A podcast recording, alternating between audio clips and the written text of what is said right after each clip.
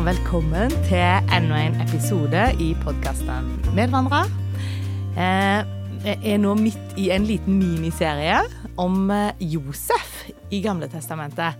Og dette er da episode nummer to. Og i dag er jeg ikke alene, men jeg har fått med meg ei dame her. Hallo! Ja, hei. Hei, kan du si hva du heter? Ja, jeg heter Ingunn Thorsen. Bor på Vea, eller Salvi nå. Mhm. Ja, Salvøy nå, viktig. Ja. Veldig viktig å få med seg det. ja, så bra. Du, Så kjekt at du er her, Ingunn. Ja, takk for at jeg fikk lov å komme. Ja, så bra. Du, vi har studert eh, Josef i lag med. Mm. Det har vi. Mm. Kjempespennende å få lov å gå litt mer Eller jeg har aldri gått så dypt i dybden i- før, så veldig kjekt. Mhm. Spennende. Ja, vi var seks damer, var vi ikke det? Ja, det Ja. var vi vel. Ja, tenker, ja vi var ja. vel seks stykker. Mhm, Som møttes eh, fire ganger. Mm. Og så eh, leste vi på egen hånd i mellomtida, og så møttes vi. Mm. Og det var litt bra det òg, at du fikk lese litt på egen hånd imidlertid. Jeg følte meg best forberedt hvis jeg hadde lest eh, godt på forhånd. Mm. Og da var det liksom kjekkere å da snakke om det i lag etterpå òg, når vi gikk gjennom det. Mm. Så jeg følte akkurat som du fikk veldig mye ut av det da når du gjorde det på den måten der, da. Mm. Mm. Så, Veldig kjekt. Og så var det jo liksom kjekt å høre hva de andre har tenkt. ja, sant? Du Mm. tenker jo ikke alltid Eller vi tenker jo ikke likt alltid. Nei, selv om vi hadde lest den samme teksten. Ja. Mm. Kjempestilig hvordan en kan se forskjellig på ting, og, og, men òg eh, snakke høyt i lag, tenke oss tilbake. Liksom, hvordan var det på den tida? Eh, og ja, og at Gud er den samme guden for det om det var for mange år siden. Mm. Mm. Det er helt sant. Utrolig spennende. Så nå er vi da um, Vi er kommet til kapittel 40. Mm. Vi er i første Mosebok i eh, kapittel 40. Ja. Vi har lest 37, 38 og 39. Og i dag er det kapittel 40 og 41 vi skal snakke om. Så for deg som hører på, hvis du ikke har lest de kapitlene før, så kan du gjøre det nå, hvis du har tilgang på en bibel. Du kan trykke pause på podkasten nå og høre det, eller å lese det. Du kan faktisk høre det på U-version, så kan du høre Bibelen lest opp. Eh, men eh, ja, les det eh, sjøl, enten før eller etterpå. Eh, og så, eh, så blir det gjerne litt mer spennende å høre denne podkasten når vi snakker oss gjennom Mm. det som skjer. Men du, Ingunn, han Josef, Ja, i kapittel 40, da er han i fengselet. det er han. Mm. Eh, Hu- Husker du noe, hvorfor han var i fengsel? Det var vel eh, litt urettferdig, var det ikke det? jo, jeg syns jo det er kjempeurettferdig. Her står vel Josef imot fristelser, da. Mm. Eh, og så og så havner han i fengsel for at han faktisk sier nei takk til sex, da. Mm -hmm. et vis, eller ja, å være utro. Mm. Eh, så, så det må jo ha føltes vondt for Josef. Mhm. Tenker Hvis det hadde vært meg, og så blir jeg kasta i fengsel for å på en måte ha gjort noe rett. Mm. Mm. Ganske heftig. Det var jo sikkert ikke et flott fengsel sånn som vi har her i Norge. Det var jo sikkert ei hål av et fengsel. Og så Mm. hvor urettferdig det har vært å sitte i den håla for Josef. Og, og, og Mm. ja. Mm. Så det som iallfall skjer nå, da, i eh, kapittel 40, det er at eh, Josef sitter i det fengselet, ja, og så er det to andre som kommer i det fengselet. eh, Og blir sittende, og det står liksom 'noen dager'. Eh, Det er så detaljert. Det er jo sånn vi legger merke til når vi holder på med dette studiet. Da skal vi liksom markere I teksten. ja, tidsreferanser og Ja, og det er liksom at du på en måte får eh, Når du har disse tingene som du skal markere, så blir det jo mye mer Eller du, får det med deg, da. sant? Hvis jeg bare skulle lese, så hadde jeg ikke fått med meg at det kanskje sto noen dager. sant? Altså, ja. Um, Mm. Så, så det er veldig godt å på en måte kunne se og legge merke til sånne ting som du kanskje ikke hadde lagt merke til ellers. Mm. Mm. Så jeg vet iallfall en av de tingene som jeg la merke til, det var jo da når bakeren og hovmesteren til kongen kom i fengselet. Så sitter de der bare noen dager, står det faktisk, og det er i det fengselet der San Josef er. Og så står det at eh, når han Josef kommer inn til de om morgenen, så ser han at de er lei seg. Eh, og så spør han liksom hvorfor er dere så lei dere. Josef var en som la merke til hvordan de andre hadde det. Ja. Det syns jeg var liksom eh, ja litt fint, da. Eh, og så er det grunnen til at de er lei seg. Det er at de har hatt en drøm. Og så er det vel egentlig det som skjer videre. At, ja, eh, hva er det som skjer, Ingunn? Kan du fortelle litt om? ja, hva er det som skjer? Eh, altså, de svarer og sier at vi har hatt en drøm, og det er ingen som kan tyde den. Og så sier jo Josef til dem da, men er det ikke Gud som har tydningen, liksom? Som en sånn sjølfølge at det, det er det Gud som har. Fortell det nå til meg, sier han. Um, og så forteller de drømmen til Josef, da. Mm. Hver sine drømmer. Mhm. Og så er det jo litt brutalt, det Eller tydningen av drømmen, da. Mm. Som de da har. Ja, for det er vel først han ene. Ja, han ene har jo en drøm først. Mm. Uh, skal vi se, nå må jeg bare Nå sitter mer og blar her. Må Ja, du hører dere de knitrer i papirene våre, for det er studiene Ja. våre. Så det er ikke helt stilt. Nei da. Um, Mm. Uh, Det er vel hovmesteren som har en drøm, forteller drømmen sin først. Eh, At han eh, drømte noe om tre knopper på et vintre. Eh, Ja, Iallfall så sier Josef at drømmen din betyr at om tre dager skal du få komme tilbake igjen til jobben din. Eh, Og det var hos farao, og farao var kongen på en måte i landet. Så du skal få jobben tilbake eh, hos kongen, er det han egentlig sier, da om tre dager. Eh, og så han andre, da. Når han hører hvilken tydning eh, Josef får, så forteller han noe, da, gjerne får han litt frimodighet. Um. ja, han får jo en frimodighet og liksom Oi, men på en måte min drøm, da. mm, Uh, og så begynner vel han òg å fortelle om, om eh, Altså uh, Om sin drøm, da. mm, Uh, og den forteller vel om at Skal vi se her nei, At det var tre korver med hvitt brød på hodet mitt. Og i den øverste korgen var det alle slags bakevarer til farao. Og fuglene åt av dem fra korger på hodet mitt. da. Og så svarer jo Josef med hva som er tydningen for det. Og det tenker jeg det må være litt tøft for Josef òg, for han får jo en annen tydning at han skal ikke bli sett inn igjen i jobb for farao, men han skal jo faktisk dø mm. eh, og bli hengt, var det det? Ja. Innen tre dager skal farao løfte hodet av deg og henge deg i et tre, og fuglene skal spise kjøtt av deg. det? Ja, men det er jo kjempebrutalt, sant? Ja, det er det. Og bare liksom og så sitter han der og tenker liksom, å, lurer på hva min drøm har liksom å bety, og Mm. når han har fått så positivt, og så kommer det bare Mm, død og elendighet. mm.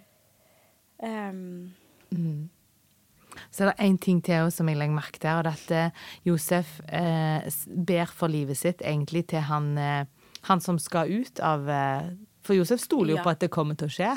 Han liksom, så, så han uh, munnskjenken, han som jobber med å servere vin til kongen, da sier han kan du huske på meg? Liksom, Ja. Han ber husk på meg, da, fordi at nevn meg for fara, og at du kan få meg ut herfra. Fordi at jeg er, jeg er stjålen fra hebreerne, og jeg har ikke gjort noe galt som gjør at jeg fortjener å bli kasta her i fangeholdet, sier han. Så det gjør han faktisk. Eh, og så skjer det vel, på den tredje dagen, da står det, at eh, farao da har fødselsdag, og han bestemmer seg for at hovmesteren får komme tilbake i jobben, og eh, bakeren blir hengt, sånn som Josef hadde tyda det. Men Josef blir glemt, står det. Hovmesteren glemte han rett ut. det, Så ja, hvordan Her har Josef tyda drømmen for han, og så glemmer han den bare. Mm. Det er det er sånn jeg føler det er litt sånn typisk sånn som vi ofte er, på en måte. Vi er så sjølopptatte. Ja. Når det skjer noe godt, liksom. At selv om det var en person som gjerne hjalp deg litt på veien, Ja. så, så med en gang du har din suksess igjen, så er vi oppslukt i vårt eget liv, og så glemmer vi å liksom takke, eller Den som hjalp på veien. På en Ja. måte. eh, ja. Det er en sånn typisk ting som jeg kjenner sikkert bor i hjertene våre. Det jeg kunne lett gjort sånn. Ja, Liksom. jeg jeg, jeg tror det Og er det er sikkert episoder òg i mitt liv, tenker jeg, hvis jeg hadde tenkt meg tilbake på, på sånne ting. da. Mm. Ja. Og da er vi faktisk kommet til kapittel 41. Og det er litt langt, det kapittel 41. Eh, men det starter med en tidsreferanse. Og det er jo litt kult å legge merke til de tidsreferansene, da. Det står at to hele år var til ende. Mm. Så fikk faraoen en drøm. Mm. Og da er det sånn to hele år etter hva? Det er jo etter det som skjedde i det forrige kapittelet, da. Mm. Eh, og det var etter at munnskjenken ble gjeninnsatt, eh, og bakeren ble hengt.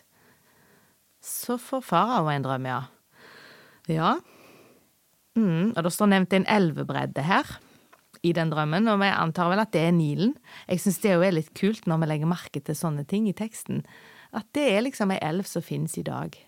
Det er en plass som finnes i dag. Handlingene, stedsnavnene. Det er liksom eh, nevnt hvor de er henne. Mm. Ja. Og hva var det som skjedde da? Var det de, da var det den drømmen han fikk sju kuer, da, som kom opp ifra elvebredden, da, eller antagelig Nilen, da, som jeg kan tenke oss at det var. Mm. Eh, og da var det vel De var først feite og fine, de sju første som kom. Mm. Og så kommer de andre som var stygge å se til og magre. Eh, og så eter de opp de sju feite kuene. Mm. Så står det at fara våkna, Mm. og så sovna han igjen, og så drømte han for andre gang. Og denne gangen så så han jo sju cornocks, eh, eller kornaks, komme opp fra samme strå. Tjukke og fine. Mm. Og så kom det sju tynne aks som var svidd av østavinden, som skjøt opp etter de. Og de sju tynne aksene slukte de sju tjukke og altså fulle aksene, da. Mm. Og så våkna farao, Mm. for det var en drøm. Mm. Ja, hva tenker du Ja, jeg la merke til en ting her eh, som er er blitt meg fortalt av noen som eh, kan mer om eh, kornaks enn meg. Ja. Men det var sagt noe om at det, det, den type kornaks som kom her, eh, det var ikke bare et van... Altså, det var sju kornaks kom opp fra samme strå. Det er en faktisk ekstraordinær, ganske sjelden ting. ja. Mhm. Så det er sånn ekstremt flotte kornaks, som er nesten en sånn sjelden eh, Sjelden ting. At, Sånn som du sjelden ser i dag, da, på en åker, da, hvis du ser, så er det ikke Det er ikke så ofte at det kommer opp en fra samme Nei, strå. med så mange, på en måte. Ja. Mm. Ja. Men så hva gjør farao videre? da? Han har hatt en drøm, ja, og så? Ja ehm, Han sender jo bud etter alle spåmenn og vismenn i Egypt og forteller drømmen, men det er ingen som kan tyde den for han. Og da er det en, vet du, hovmesteren eller han munnskjenken. Da kommer han på Han sier faktisk at han må bekjenne syndene sine. Ja, stemmer det. Mm. I dag må jeg begynne om mine synder, liksom. For da Mm. Da kom han på Josef. Så han, forteller han til farao at det var en unge hebreer som var i fengselet, eh, og som tyder drømmen for oss. Og faktisk så skjedde det som han tyda, liksom. Det ble sånn. Så da sender farao bud på Josef. Og her er det sånn, det står så detaljert alt. Hvordan Josef måtte barbere seg og skifte klær og liksom. Ja, for så- kunne komme fram for farao. Ja. Mm. Og at nå får han komme, da. Og så er Josef er så kul. Han er så frimodig. For han sier liksom ikke at 'ja, jeg skal tolke drømmen din', jeg, og så går han i hemmelighet og ber til Gud. Nei, nei, han svarer jo frimodig og sier 'det er ikke i min makt å tyde drømmer, men Gud kan'. Det sier han rett til kongen, liksom. Eh, så han skjems ingenting for det. Skulle jo tro at han liksom Jeg vet ikke. Tenkte at nå må jeg iallfall være forsiktig her, eller For nå er min sjanse til å komme ut. Men der svarer han frimodig, altså. Det ligger ikke i min makt, og Gud skal svare farao med fred. Mm.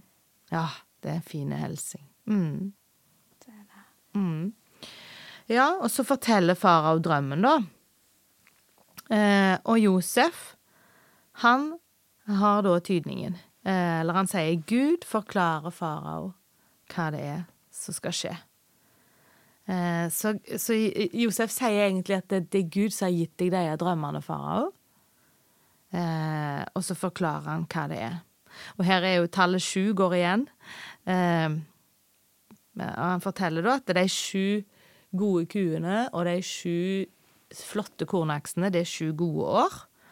Eh, Og så de sju magre kuene og de sju magre eller eh, pistrete kornene. Aksene, ja. Aksene er hungersnød. Sju år med hungersnød.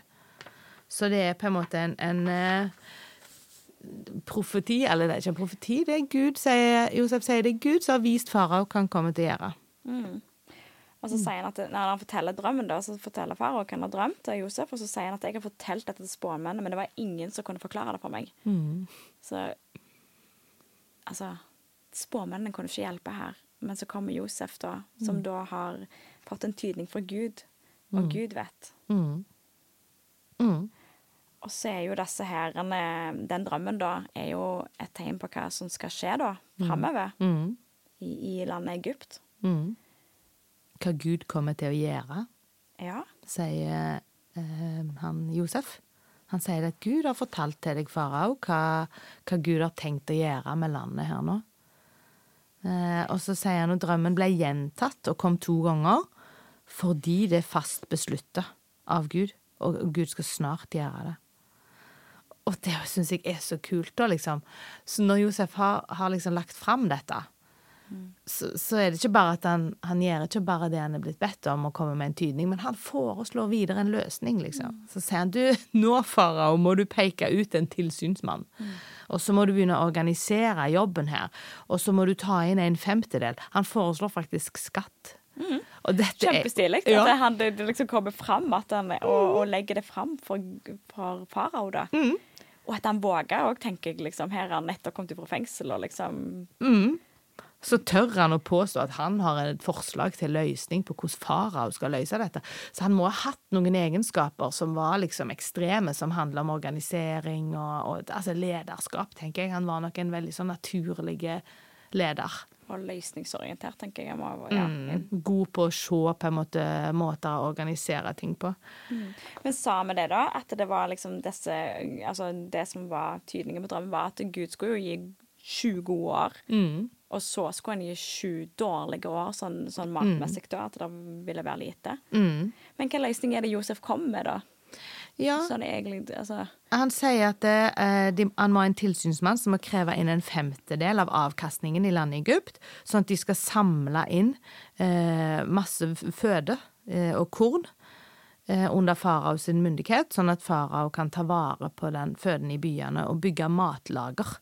Sånn at eh, det skal de bygge opp i løpet av de sju gode årene, sånn at når de sju dårlige kommer, så skal de kunne dele ut mat uten at landet blir lagt øde. Og det er jo litt sånn Ja, OK, dette er jo OK, det er en drøm, liksom, og så sier de at nei, nå handler vi på det, liksom. Sette i verk store planer her, og Det er ganske sånn eh, tøft gjort. Det er kjempetøft gjort. Mhm. Men så ville en jo sant, når de, Gud skulle snart gjøre det, var det ikke det det sto? sant? Mhm. Så når da, de begynte vel å se at det her var det fikk de store avlinger, ting skjedde. Mm. Um, Mm. eh, så de fikk jo svar på til den drømmen sikkert ganske raskt. Ah, ja. det ser ut til å kanskje Ja, men det er mer lettere å liksom glemme Gud når det går godt, Ja. eller liksom å glemme at det sant? Altså, ah, kommer det virkelig 20 år med hungersnød etterpå det? Altså, Ja, det er sant. At de, ja, En kunne jo fort ha blitt sånn òg. ja. Men her virker det jo ikke som farao. Virker som han, han er ivrig etter å handle eller gjøre sånn som Josef sier, da. ja. Og foreslår å samle inn skatter og samle opp og lagre opp på mat for å da spare, da. Mm. Han gir jo faktisk jobben til Josef. Ja. Ja. Og hva, hva er det står om det? At han på en måte for Gud Eller eh, for, han Josef sier vel at eh, nå må farao se seg ut en forstandig og vis mann, og så må han sette han over landet Egypt. Mm. Og så sier farao kan vi finne en mann som denne, en som Guds ånd bor i? Ja. Eh, og det snakker han om Josef, da, så, så liksom han sier at det er derfor du får Du får sette over alt, faktisk. Du er nest etter meg, sier egentlig Ja. kongen, liksom, med en gang. Det finnes ingen som er så forstandig og vis som du. Se, her har han sittet i fengsel. Mm. Og så plutselig så er han omtrent leder i toppen. Mm. Og jeg vet ikke hva tanker han har hatt når han har sittet i fengsel, men det må jo, du må jo se litt mørkt på livet, tenker jeg. Og så Mm. Eh, Men det er jo det vi ser litt av når han var i fengselet òg, at han lot på en måte Han la merke til hvordan andre hadde det, Ja, og han fikk jo ansvar i fengsel òg. Så han var nok ikke en som, som gikk og surmulte og gravde seg ned. liksom i sin egen. Han, han har nok vært liksom løsningsorientert hele tida. virker kanskje litt sikker på at Gud har en På en måte kan det se litt sånn ut at det kan virke som at han har tenkt at Gud har en større plan. Mm. At han iallfall har stolt at Gud er med han, liksom. Ja. Mm. Eh, ja. og så har han jo sant, Du har sikkert snakket om det i siste episode, da, du, kanskje, men i forhold til disse drømmene som han hadde helt først altså Han har jo kanskje bærer jo det òg med seg. at mm. Ja, Det har jeg faktisk snakket veldig lite om. Ja. OK. Så ja. det kan vi jo godt si noe om. For han hadde noen drømmer når han var Ja. Eh, om at de andre skulle bøye seg for han. Ja, de andre brødrene. Som minte litt om, om disse drømmene som far har hatt. på en måte. Eller, Mm. ja, som, Så kanskje han har hatt liksom litt inni seg at jeg vet at Gud skal bruke meg til noe stort.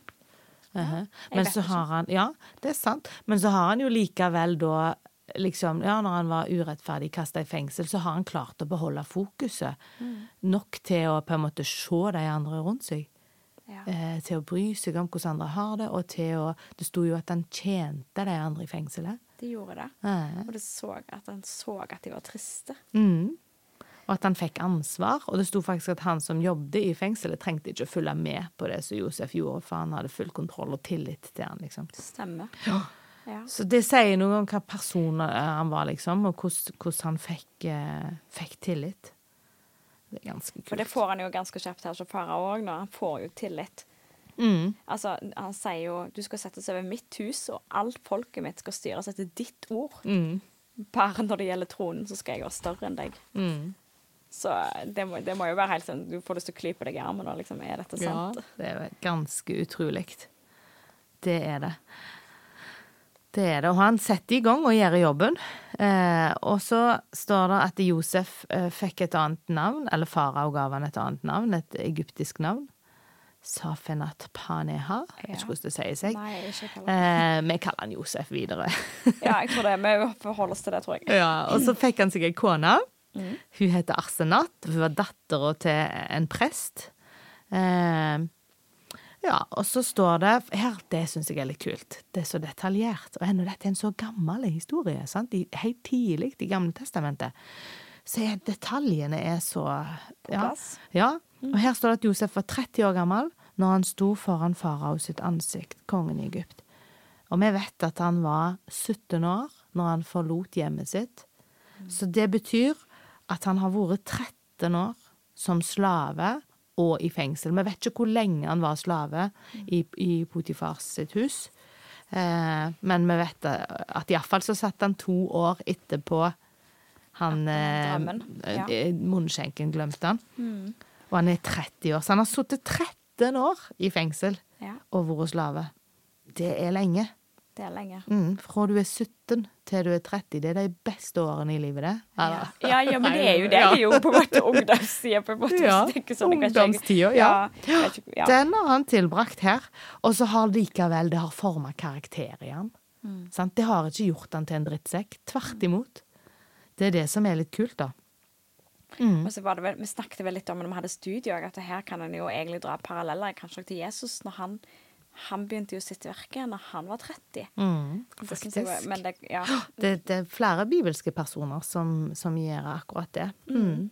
Men så er det kjekt at det står, for det, det gjør det For min del så gjør det kanskje enda mer trosstyrke enn at det liksom Ja, han var Han var litt, litt Ikke ung, men ikke gammel. Altså, det står han var 30. Mm. Og at vi kan regne det og vite hvor mange år det faktisk var. Mm. Ja da. Det er ganske utrolig. Så står det jo da Da bor han nå i Egypt, og han holder på å samle inn mat. Eh, um, og han får, har fått seg kone, og han får to sønner. Uh, og de gir han navn. Manasse og Efraim. Og Manasse, det betyr for Gud har fått meg til å glemme alt mitt strev og hele min fars hus. Um, og Efraim betyr for Gud har gjort meg fruktbar i det landet der jeg ble plaget. Så det, det er sterkt, syns jeg. De eh, Ja, da kan eh, Ja, tenk å kalle ungen sin det, da, men, men det har jo tydeligvis eh, mm, Det var nok sånn de gjorde på den tida. Det er nok en kulturell greie å gi navnet sånn. Men, Ja. men det er jo en statement, liksom. mm, For Gud har fått meg til å glemme alt mitt strev og hele min fars hus. Mm. Og jeg tenker jo at det, han har jo opplevd mye vondt, som på en måte kanskje vi kunne sagt at han har all grunn til å være litt sint for, hvis det lov. Ja. Mm, og bitter. Og, Bitter, ja. Mm. Men så på en måte velger han å ikke Mm. grave seg ned i det, da, må en se framover. Ja, Gud har fått meg til å glemme det. Og, Mm. Han gir Gud æren for det, faktisk. Ja. At han har glemt det. Mm. Mm. Så han er Ja. Mm. Ja, og da har det gått bra, så nå har han det bra. Men så, i vers 53, så er det slutt på overfloden, og nå kommer det hungersnød. Eh, Og i hele landet så er det hungersnød, og folk, folket roper til farao om brød. Og da sier farao, gå til Josef, og gjør det han sier. Og det er jo bare så utrolig. Ja. Eh, Og her står det da at eh, Josef åpna alle lagerhusene og solgte til egypterne. Og fra hele jorda kom det folk til Egypt for å kjøpe av Josef, fordi hungersnøden var harde på hele jorda, står det her faktisk. Og det er bare så utrolig. Her får Josef liksom være med å redde hele verden Ja, fra det synes hungersnød. jeg er kjempe... For det har jeg ikke lagt merke til egentlig før i studiene, når Nei. vi gikk gjennom det. For fra hele jorda Mhm. så kom det folk til Egypt for å kjøpe Josef. Mhm. Altså, det, det- ja. Altså, Gud hadde jo tydeligvis en plan her. Mm. Ja, og det er jo litt fascinerende når du sier det, at Gud hadde en plan, sant? For at Josef sier jo at det var Gud som hadde en plan med å sende først overfloden, og så hungersnøden. Ja. Og det er litt sånn Sender Gud hungersnød? ja. Det Det brukte vi litt tid på å snakke om brukte på vi veldig god tid på. Hva er dette? Hva Gud er det vi har med å gjøre, på en måte, mm. som sender en hungersnød? Mm. Det mm. Ja. Og jeg tenker, men jeg tenker vi har lov å stille spørsmål med det som står, for at Gud tåler det, tror jeg. Mm. Um, Og vi slo opp ganske mange eksempler på andre plasser i Gamle testamentet der det sto at Gud hadde sendt eh, sandstormer og ødelagt avlingene, og han hadde sendt tørke ganske mange ganger, der det står veldig tydelig at det var Gud som gjorde det. Så Gud påvirker været og klimaet, rett og slett. ja. Og det får meg litt til å tenke sånn i dag òg, liksom. Å ja, OK. ja. Um, har Gud påvirkning på klimaet i dag? Ja, Gud er Gud, så ja. Jeg, eh, det er et eh, godt spørsmål. Mm. Sånn mm. For det er så av og til at vi liksom um, Ja, én ting er i disse historiene og sånt, men så holder vi det på avstand fra vår virkelighet i dag, liksom. Men jeg, jeg har jo lyst til å tro at eh, Gud er den samme i dag, eh, og at han kan påvirke klimaet i dag òg. Ja, jeg, jeg tror jo det. At han kan det. Men Mm. Selv om det er veldig sånn brutalt. Hvorfor skal han sende hungersnød? Det er jo helt forferdelig. ja, jeg, som sagt, jeg har brukt altså, Det var det jeg kanskje brukte mest tid med når vi Eller det største spørsmålet. Liksom, hvorfor, Gud? Hvorfor gjør du det? Altså, sant, så er det sånn som du sier, du begynner å stille disse spørsmålene. Ja, hva andre ting er det Gud gjør da? Mm. Eh, Men, men samtidig så har vi jo Jeg skal vel kanskje si litt om det òg, men vi har jo snakket en del om og lest en del bibelverser om hvem Gud er. Mm. At Gud er ikke bare én Gud er så Gud er så enormt stor, og som er mer enn det vi klarer å forstå. Mm. Eh, samme hvor mye vi prøver, så, så Så vil vi aldri forstå helt hvordan han tenker, for da hadde vi jo vært Gud, tenker jeg. Mm. Hvis vi hadde forstått Mm. hans plan. Men, men klart, det, det er vanskelig å forstå hvorfor Gud Mm. Det var særlig to vers som faktisk både meg og du hadde lagt litt merke til. Eh, av de som vi slo opp for Vi slår opp en del sånne kryssreferanser og sånne ting. Og i femte Mosebok 32-39 eh, så sier Moses det finnes ingen annen Gud. Og Gud han sier om seg sjøl da jeg tar liv, og jeg gir liv. Jeg sårer, og jeg helbreder. Ingen kan berges ut av min hånd. Og i profeten Jesaja 45,7 så er det Jesaja eh, som snakker, eller Gud snakker gjennom Jesaja til israelsfolket. Og da sier han, jeg former lys og skaper mørke. Jeg stifter fred, og jeg skaper ulykke. Jeg, Herren, gjør alt dette. Og det er bare sånn What?! Skaper han ulykke? Sårer han? Altså, tar han liv? Ja. Ja, hvorfor, liksom? Ja. Så tenker jeg sånn Jeg tror jo egentlig, hvis jeg tenker på mitt liv, så tror jeg at Gud har telt dagene mine. Tror at Gud vet tid jeg skal dø. og hvorfor. Eh, og hvis det skjer i morgen, liksom, så er det klart at vi vil si i vår kultur at det var altfor tidlig. Eh, det var jo ikke sånn for eh, 100 år siden, eller noen hundre år siden, så var det jo gjerne normalt å bli noen og 40. Ja. Så hadde du levd så hardt at da dør du. Eh, men nå ville vi synes det var veldig rart. Mm. Vi synes det var tidlig. ja, vi ville synes det var altfor tidlig. Men jeg tror jo at da hadde det vært fordi at Gud hadde en plan med det. Vi vet ikke hva som er på andre sida der. Kan være det er noe der, at da hadde han noen oppdrag til meg i himmelen som jeg Ja. måtte gjøre. Viktige oppgaver. Spille harpa i koret. lag med Moses og Ja.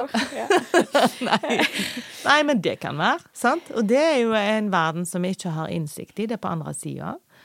Eh, så det tenker jeg. Men så tenker jeg jo at, det- at det kan være at han eh, han skulle tjene det til en større vilje. Sant? For det vi har sett med Josef til nå, iallfall, det er jo at OK, han ble tilfeldigvis sendt av gårde til Egypt eh, og solgt av brødrene sine. De hadde egentlig lyst til å drepe han, sant? Ja, det var jo egentlig det de skulle. Uh, men så var det en som tilfeld, tilfeldigvis Kunne tjene litt penger på han heller. Yes, sant? Og så solgte de han til noen som reiste, som tilfeldigvis reiste til akkurat Egypt. Ja. Sant? Og der Josef akkurat tilfeldigvis treffer han munnskjenken som akkurat tilfeldigvis jobber hos farao. Ja. Og at Josef får den jobben da. Altså, det, det er Guds plan, alt dette. Men vi klarer jo ikke å forstå og se de tingene. Josef kunne ikke vite det sjøl. Og jeg tror det er likt sånn for våre liv. Ja. At det er så sykt mange detaljer som Gud har full oversikt på, som Ja. ikke vi har, på en måte. Sånn at hvis han hadde valgt å hente meg hjem, så var det en del av hans plan, på en måte. For akkurat det med liv og død har han full kontroll på, altså. Det er jeg helt sikker på for alle mennesker. Det er ingen som er her tilfeldig. Men så så er jo det sånn som er vanskelig å forstå òg. sant? Altså, når, når, en er, når en er lei og trist, og, og noen har dødd Altså, det er vanskelig å se Ja, ja, ja. meningen med sånt, tenker jeg. Ja. Men, men det er sånn som du sier, vi er ikke Gud. Og jeg tror heller ikke vi skal trenge å sette oss inn i hva er Guds plan. Nei, nei, nei.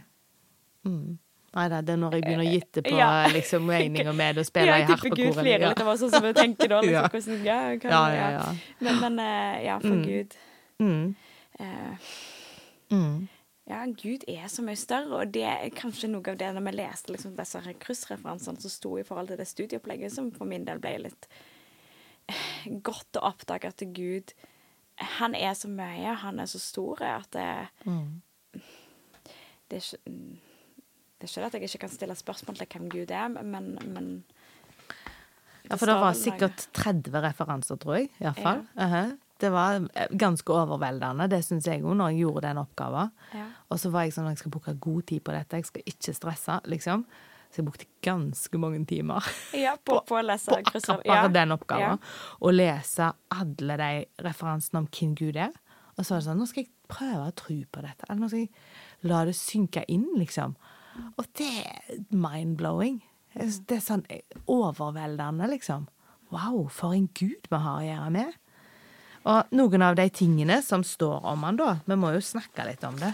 ja da, det må vi få Ja, jeg syns det Han er for eksempel allvitende, allmektig, allestedsnedværende, nærværende. Han er evig. Bare det, da. Han er evig. Går det an å forstå det? Nei, det, det er jo det er et sånt begrep som jeg ikke tenker jeg klarer å få inn i mitt hode. Mm.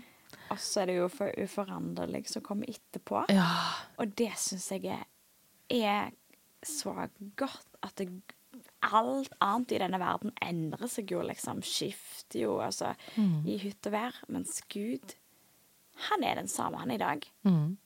Som han var når han levde på Eller liksom Som, som er Josef, da. Mhm. Og det vi leser om. Mm. Ja. Gud er den samme. Ja, han skifter ikke karakter. Han er uforanderlig. Mm. Han er ubegripelig. Ja. Han er uendelig. Og så er han overalt. Og så er han hellig, suveren, barmhjertig. Og så er han rettvis, sein til vrede. Eh, Eller så er han vred, da. Ja. Sjalu, faktisk. ja. Eh, han er trofast, sannferdig, kjærlig. Han er jo kjærlighet. Og det er Å forstå alle disse egenskapene til Gud, det er umulig for oss, tror jeg. Men jeg tror at det, i hvert fall jeg kjenner at det å ha gjort dette studiet, slått opp alle de versene, gjør noe med, med min tillit til han. Eh, ja, både at jeg aksepterer at han er større enn det jeg forstår, og mer enn det jeg forstår. Eh, og så var det noe litt fint òg, som jeg syns var liksom formulert litt sånn på en måte i, i noen av de oppgavene vi fikk, på en måte. Der det står at det, Guds essensielle vesen eller karakter er en samling av alle de ulike egenskapene. ja. Eh, og at når han handler, så er det ikke bare med én egenskap om gangen, men at han har med seg alt, på en måte.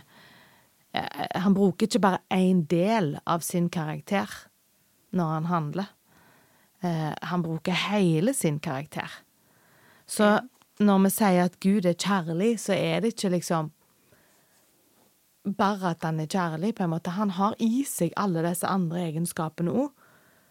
Men konklusjonen på det han gjorde akkurat nå, var liksom da kjærlig. Eh, og at den ene egenskapen motsier ikke den andre.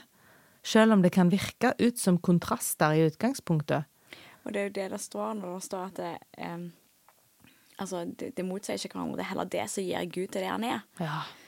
Em, Mm. ja. Og derfor, når Gud handler i en sånn gitt situasjon, så blir alle hans egenskaper de blir brukt samtidig i en perfekt harmoni. Så Mm. han tar ikke vekk noen av de for å kunne bruke en annen. Nei. Ja, det er ganske sånn fascinerende. Mm. Ja, og så er det jo da det å på en måte Sånn som meg og du, Ingunn, som har på en måte sagt at vi vil følge Jesus på en måte med livet vårt, vi vil tro på Gud. Da det jo, ligger det litt i dette i en slags sånn en aksept eller underkastelse av at ja, Gud, du er mer enn oss, på en måte. Vi må bare vi må bøye oss i støvet for dette. For det er ufattelig for oss, på en måte. Ja, det tenker jeg en kan være ærlig med Gud og si. Mm. At det, vet du hva, Gud, jeg fatter ikke hva du på en måte vil her. Eller, eller og hvis du er i en gitt situasjon, at jeg, jeg forstår ikke, Gud, hva du har tenkt med dette, eller hva du mener med dette, eller hva det står her. Jeg tenker det er lov å si det høyt til Gud. Ja, ja, ja. Han tåler Så godt det. Så tåler han det. Mm. Eh, det har jeg nå måttet gjort mange ganger. Mm. Um, Mm. Og så snakket vi litt om det jo da, med eh, hva det kan finnes av Det er jo en dårlig sammenligning, men eh, når vi av og til utsetter våre unger for ja, noe som er vondt. Ja. mm, Vi er jo mammaer, både meg og du. Mm. Mm. Så snakket vi om at fall, sånn, en sånn ting at ungene må til tannlege av og til. Sant? ja, for det må de jo. Mm. Det er absolutt et, et nødvendighet for hva skjer hvis ikke de går til tannlegen. Mm. Og hvis du har et hull òg, da, tillegg, sant? noe som begynte å gjøre litt vondt Ja. ah. Så kan du jo bare la være å gå til tannlegen, og så bare la det sture, og det går. mm. Det, men eh, det vet en jo at det vil jo ikke bli bra til slutt hvis en ikke går til tannlegen. Nei. Så at kanskje er Gud sånn med oss òg. Liksom, at det er sånn som vi foreldre vil være med ungene. Da, at vi vil presse på for å si at nå må du tåle å ha det vondt en stund her. Eh, og faktisk tåle et bår, til og med. Båring. Det blir mye vondere enn det det er å bare fortsette å ikke gå, på en måte. Ja. Men vi vet at båring i tennene kan gjøre det bra, sant? Ja, sant, du vet jo at det vil gå godt til, slutt. Og sånn tenker jeg nok Gud òg. Det Ja. ikke så, men han har nok et overordna blikk på det. Ja, han vet at det vil gå godt til slutt. Ja. Mhm. Og det står det, han gir oss ikke mer enn vi tåler. Og, mm. Men jeg skjønner jo at den ungen ikke skjønner hvorfor må han båre det. Altså, det er jo mange sånne ting jeg òg tenker at det, Mm. vi, vi vil ikke, Jeg vil ikke forstå hva er meningen med dette, eller Mm. og, Mm. Men Gud, tror jeg, sånn som du sier, jeg tror han har en Jeg tror han har en plan. Mm. Han handler ikke imot seg sjøl, på en måte. Eh, Men så er det jo Det er klart, vi må jo si det når vi snakker om lidelse. Vi bor i en verden der det er mye vondt som skjer, på en måte.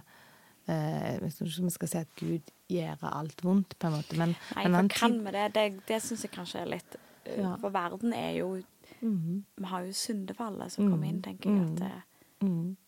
Og det bor mye vondt i, i menneskehjertet nå. Vi gjør slemme ting mot hverandre.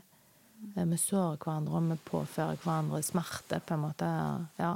Og det er mye ondskap som herjer vilt her, for ja, å si så det det du sånn. sier her, er egentlig at vi kan ikke si at enhver tsunami eller eh, ting som skjer eh, vondt i verden, eh, skoleskyting Altså, det er jo så mye vondt hvis en begynner å lese på nyhetene, så er det jo helt forferdelig. Mm.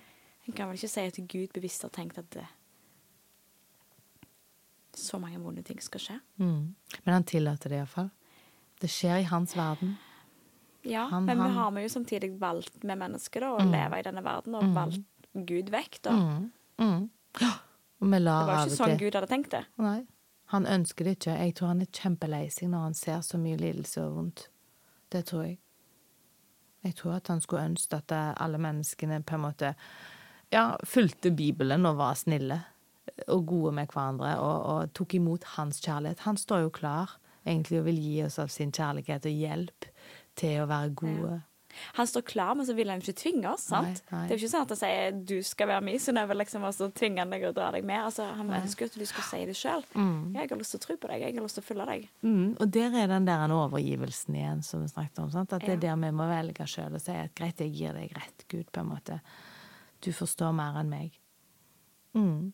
Og det er ikke så lett. Det ligger veldig i naturen vår at vi liksom vil bestemme sjøl, Ja. og vi tror at vi vet best sjøl. Og det er lett å si når livet kanskje går litt bra, eller liksom ting funker greit. Og så, ja, Mm. det, men litt sånn som du var inne på òg, når vi snakket om dette samtidig er det bra at vi har gått gjennom sånne studier, så kan det kanskje minne oss på at OK, Josef han hadde det beintøft, han. Mm. Men han sto nå søren i det, og Mm. Gud var med. Ja, Og Gud var det er fascinerende. Nå, nå, har jo, nå har vi bare snakket om litt nå, men, men hvordan Gud var med i hele historien, eller liksom Mm. hele livet til Josef. Mm. Mm. Ja. Det er utrolig fascinerende. Og vi skal fortelle mer eh, i en annen episode om hva som skjer videre med han Josef, men jeg tror at vi skal stoppe her for i dag. Rett og slett. Men Ingunn, kjempekjekt eh, å ha deg her. Ja, Kjekt jeg fikk lov å komme. Ja. Kjekt å få snakke litt eh, videre om det vi har snakket så mye om egentlig den siste måneden. Mm, vi er blitt eh, fan av Josef. Ja. Jeg sa ungene at jeg skulle gå hen og sa ja. Så skal jeg fortelle dere mer om Josef. Vi skal snakke litt om Josef. Skal jeg fortelle dere i morgen om det. Ja, det er en så kjempespennende historie, og det Ja. er det jo. Ja, det er det. Virkelig. Så det oppfordrer vi alle til å eh, lese mer om. Og eh, stille gode spørsmål og legge merke til detaljer og ja. Det er kjempebra. Så hvis du har noen eh, spørsmål eller noen reaksjoner eller noen tanker eller en respons etter denne episoden, så send meg gjerne en eh, melding på Medvandrer på Facebook-sida mi. Der er det mulig å sende melding. Ja, eller ellers òg. På en måte kan finne meg på Facebook og si ifra. Men jeg lurer på om vi skal avslutte med å be litt. Mm. Gode far, takk for ordet ditt. Takk for historien om Josef. Eh, Og takk for at eh, du viser så tydelig her at eh, du, du er med. Og takk for at vi kan få lov å tro at det gjelder våre liv òg. Og at det gjelder for vår tid i historien nå. At du har ikke forlatt eh, verden og jorda og menneskene her, men at du er nær, og at du ønsker å handle i historien nå òg. Og Herre, jeg ber om at din vilje må skje på jorda. Gjennom menneskene, gjennom de måtene som du ser at er best. Vi tror at du vet best. Jeg tror at du vet bedre enn oss. Takker deg for det. Takker deg for at du har den hele vide verden i din hånd. At du har full kontroll. Og Herre, jeg bare ber om eh, at du eh, må få din vilje i mitt liv og i livet til alle de som hører på. Ber om din ledelse, og vi ber om din velsignelse. I Jesu navn. Amen. Da gjenstår det bare å si takk for nå, og så håper jeg at vi høres igjen.